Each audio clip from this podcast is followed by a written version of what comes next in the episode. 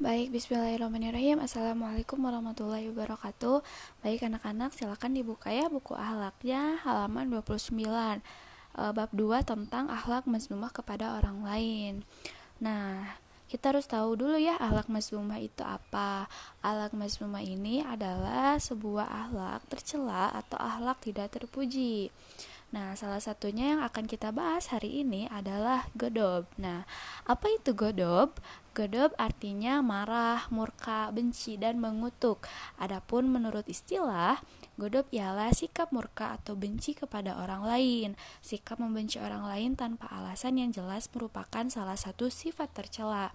Dalam ajaran Islam, kita dianjurkan agar membenci dan mencintai seseorang itu hanya karena Allah. Artinya tidak boleh membenci seorang hanya karena alasan pribadi, keluarga, golongan, dan sebagainya. Bahkan, Islam sendiri melarang umatnya berlaku tidak adil kepada orang lain hanya karena membencinya. Membenci karena Allah Subhanahu wa taala artinya kita boleh membenci seseorang yang tidak taat kepada agama Allah dan Rasulnya. Oleh karenanya, jika orang tersebut telah bertaubat dan taat kepada perintah serta larangan Allah, kita wajib mencintainya dengan sepenuh hati. Begitu juga sebaliknya, jika seseorang yang selama ini kita cintai lalu akhlaknya berubah menjadi orang yang penuh maksiat, penuh dengan akhlak buruk, nah kita tidak boleh membencinya karena Allah. Dengan demikian, sifat godop pada manusia terbagi menjadi dua macam. Yang pertama, godop atau benci karena Allah dan god uh, dan godop karena nafsu atau ya karena diri uh, dari datangnya dari setan. Nah, godop karena Allah ini sebagaimana yang tadi dijelaskan uh, Sedangkan godok karena nafsu atau dari setan ini ialah amarah yang timbul oleh bujuk rayu setan.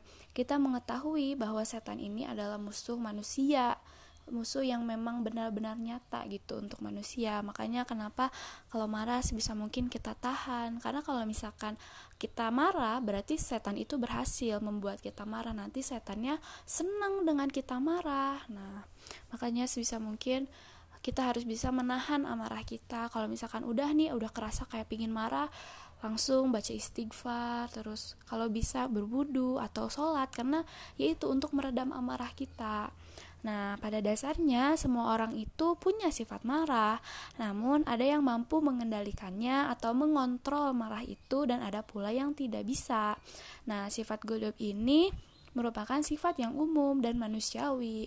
Bahkan para nabi dan rasul pun e, pernah punya pernah punya e, punya rasa marah gitu kan.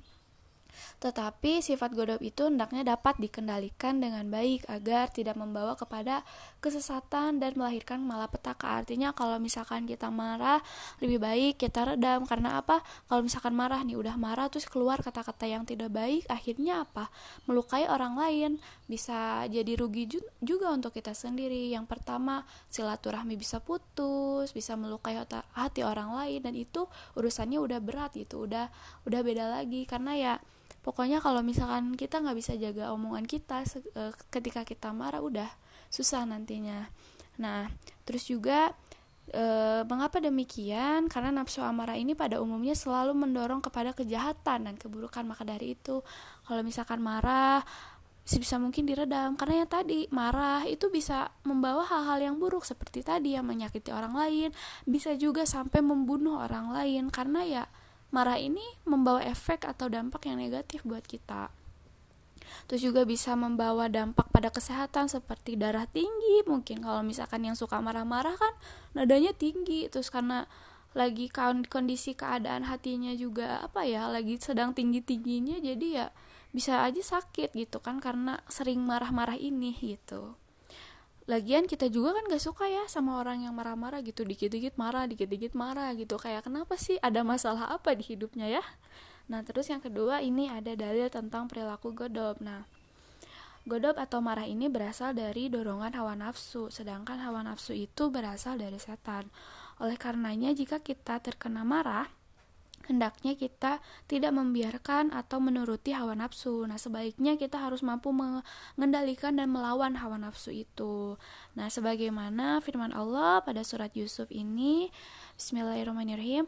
Wa ma ubarri'u nafsi inna nafsala marratum bisu'i illa ma rahima rabbi inna rabbi ghafurur rahim.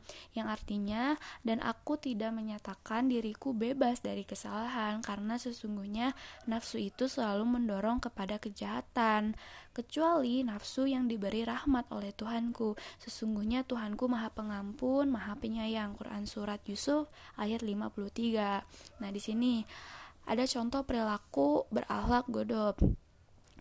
Nah, per perbuatan godop akan tampak dari perilaku sikap pemiliknya yakni sikap perilaku tercela yang dapat merugikan pemiliknya dan orang lain. Sebagai muslim yang beriman, hendaknya kita berusaha untuk menghindari hal tersebut. Nah, untuk dapat menjauhi perilaku tersebut, hendaknya kita mengenali bentuk-bentuknya. Di antaranya yaitu perbuatannya tidak berdasarkan akal sehat, lalu cenderung menempuh jalan yang sesat, dan selanjutnya yaitu tidak mau menerima nasihat orang lain. Soalnya kan kebanyakan nih kalau orang udah marah kalau dinasehatin tuh ya ada orang yang menerima ada yang enggak. Kalau mungkin yang enggak menerima ya biasanya ngelawan balik ngata-ngatain balik. Nah itu nggak boleh. Terus juga ada nih, bentuk-bentuk perilaku godop tersebut selain tidak terpuji juga dapat menimbulkan nilai-nilai negatif. Nah, ini adalah salah, uh, beberapa nilai negatif yang akan ditimbulkan dari perilaku godop. Yang pertama yaitu menganggap orang lain sebagai musuh. Yang kedua, kehilangan akal sehat.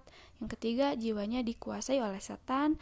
Dan yang keempat, hidupnya tidak pernah tenang dan tentram. Ini udah jelas banget ya. Ini adalah se, se apa ya? beberapa dampak negatif yang ditimbulkan dari perilaku godop.